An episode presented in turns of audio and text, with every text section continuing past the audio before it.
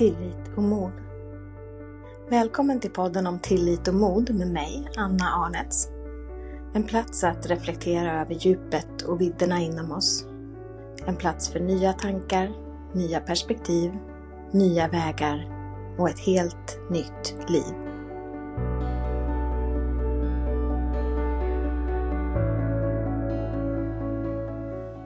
Att lära sig att lyssna på sin intuition, den hårda vägen, så har det varit för mig. Jag tror att när jag växte upp så såg jag och förstod saker på ett helt annat plan än vad jag förstod då.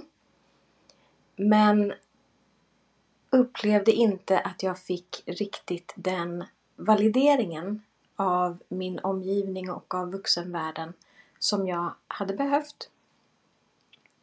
Hur jag upplevde olika människor omkring mig, vad jag fick för eh, vibbar och känsla om de här människorna. Människor som jag eh, kanske inte riktigt tyckte om men aldrig fick det validerat från omgivningen att det fanns någon annan som kände på samma sätt för eh, den här personen till exempel. Vilket fick mig att tro att det var bara jag som kände så och att då behöver det ju vara någonting fel med det jag känner eller det jag snappar upp. Och om andra situationer eh, där jag kände att någonting skavde eller var lite grann ur synk eller det fanns en dissonans men ingen runt omkring mig bekräftade att det var så. Vilket fick mig att inte tro på det som jag kände och plockade upp och tog in. Och eftersom jag hade den här känslan med mig att det jag snappar upp med mina olika sinnen kan jag inte lita på. För det verkar bara vara jag som ser och hör och känner och snappar upp det här. Så litade jag inte på min intuition. Det var först när ett antal ganska allvarliga saker hade hänt som jag faktiskt lärde mig att förstå att jag måste lyssna på det som jag känner. Det hann till och med gå så långt att jag nästan dog för att jag inte lyssnade på intuitionen. Ehm, när jag var 26 så var jag med i en ganska allvarlig trafikolycka som orsakades av min dåvarande man och hela den bilresan, några timmar innan vi krockade, hade jag känt att det här känns inte bra. Men han hade nyligen tagit körkort, jag hade varit hans handledare och kände nu att nu måste jag släppa för nu har han sitt körkort. Jag kan inte, trots att jag känner det här, att det inte kommer att gå väl, så kan jag inte sätta emot eller säga nej utan nu måste jag lämna över det här till honom.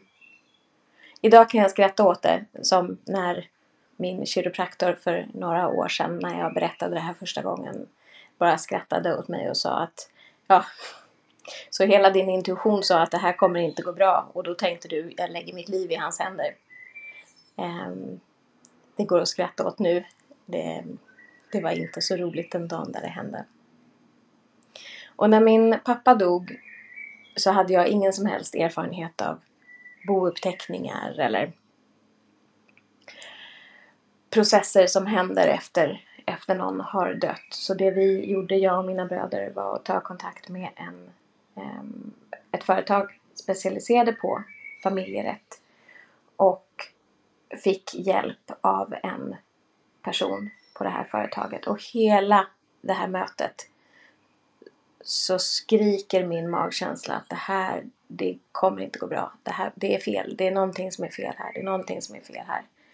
Men um, jag tänkte det här är ju ett professionellt företag. Det är klart att de vet vad de gör. Det här, det här får jag bara stoppa åt sidan, det jag hör i huvudet.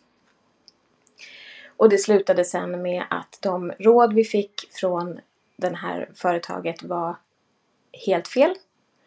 Eh, vilket gjorde att dödsboet stod med obetalda räkningar och eh, det blev bråk med banken och det blev en hel massa processer kring det här som inte hade behövt ske om, om jag bara hade lyssnat och stoppat och sagt vi går någon annanstans.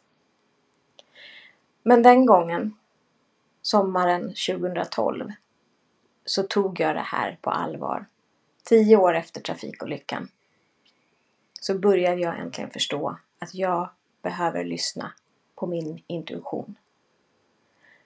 Att jag har en stark intuition, att jag kan läsa av människor, jag kan läsa av situationer och miljöer. Och för min egen skull och för andras skull så behöver jag lita på allt det här som jag plockar upp som jag inte kan förklara med logik eller rationella förklaringar. Och det är klart, livet är så mycket större och djupare och mer än det vi bara ser med ögonen. Så det är självklart att det finns så mycket som vi kan plocka upp med sinnena som vi inte kan förklara logiskt och rationellt. Så hur har du det med din intuition? Lyssnar du på den? Tar du den på allvar? Finns det någonting du kan göra för att stärka intuitionen? Ta den på allvar. Den är som din kompass, din ledstjärna och den som kan guida dig på ett tryggt och säkert sätt genom hela livet. Tack för att du har tagit dig tid att lyssna. Jag hoppas att mina tankar har väckt nya tankar i dig och att du genom att reflektera över vad de väcker i dig sprider nya ringar på vattnet runt omkring dig. Med all min kärlek från mig till dig.